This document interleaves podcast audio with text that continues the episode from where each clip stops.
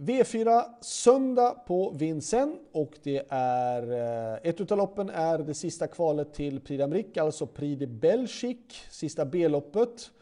Eh, men vi börjar med den första V4-avdelningen och normalt sett ska det här stå mellan de hästarna som har högst nummer. Alltså 7 Hermin Derev, 8 High Propulsion som var nära att vinna sist, 9 Histoire Delart, 10 His Lovely för och jag väljer även att plocka med nummer 2 Hexcellent. Så att 2, 7, 8, 9 och 10. Eh, V4 2, då är det mest intressant på nummer 5 Imagine Girl som jag har läst rätt ska gå barfota runt om. Eh, jag kan tycka att det är en, har bra startspår. Yvdrö fortfarande still going strong. Um, hästen har ju två segrar i raden också. Jag kan tycka att det är ett tänkbart spik, men jag väljer att gardera ändå. Men nummer två, Ilika de Bomo.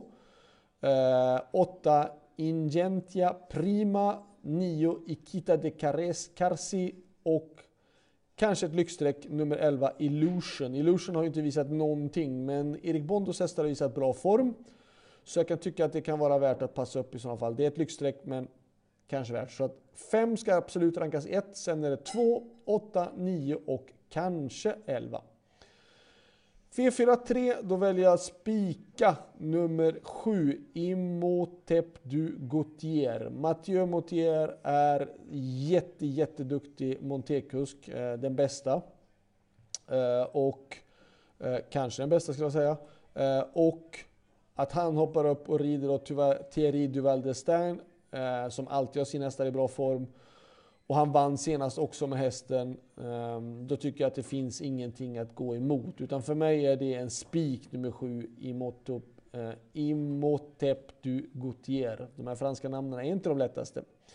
Eh, V44 är då sista kvalloppet till Prix d'Amérique, alltså Prix de Belgique. Och jag tycker intressant är, intressantast tycker jag ändå att Basir väljer att köra nummer tre, Feidoy 7. Det är ju en eh, väldigt, väldigt fin häst och en absolut tänkbar eh, Prix d'Amérique-häst och nu ska de då försöka kvala in.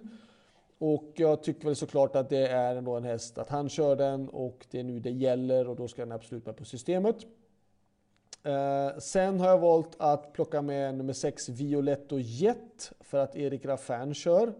Eh, ett kuskbyte jag kan tycka att kan vara intressant. Kanske ett lyxstreck men jag tycker ändå. 9 eh, Guderipre, han har visserligen bara ett lopp i kroppen men han är eh, en superkandidat för Prix d'Amérique. Eh, kommer han att hinna i form till dess? Ja, det får vi se imorgon men jag kan tycka att han är värd att sträcka. Och sen så har jag valt även 15 Davidsson DuPont. Davidsson DuPont har ju ändå varit fantastiskt bra de sista två åren i Prix d'Amérique. Ehm, och jag har sett honom träna här nu, han ser spänstigare och bättre ut och varför inte? Han kanske behöver sig en rejäl genomkörare nu inför Prix d'Amérique. Eh, han är ju annars klar på sina pengar, men jag kan tycka att vill man ta ett liksom utgångshästarna är då 3 Feudo 7, 9 Guder Pré. Sen där bakom då är lyxsträckorna kanske 6 Vilo 1 och 1 och 15 Davidsson DuPont. 11 eh, power är det inte många av de man läser tipsen som tror på. Han är, tycker jag, femte, sjätte häst i det här loppet och komma med på systemet. Eh, själv kör jag nummer 5 Express Jet. Ja, han jämnar bra placeringar, fungerar ju nu efter att ha varit en krångligt ett tag, men funkar ju bra nu. Men att han ska kunna liksom vara en segrare i det här loppet, det ser väl kanske lite långsökt ut. Skulle han kunna klara av att kvala in så skulle det vara bra gjort, men vinna kanske blir lite svårt.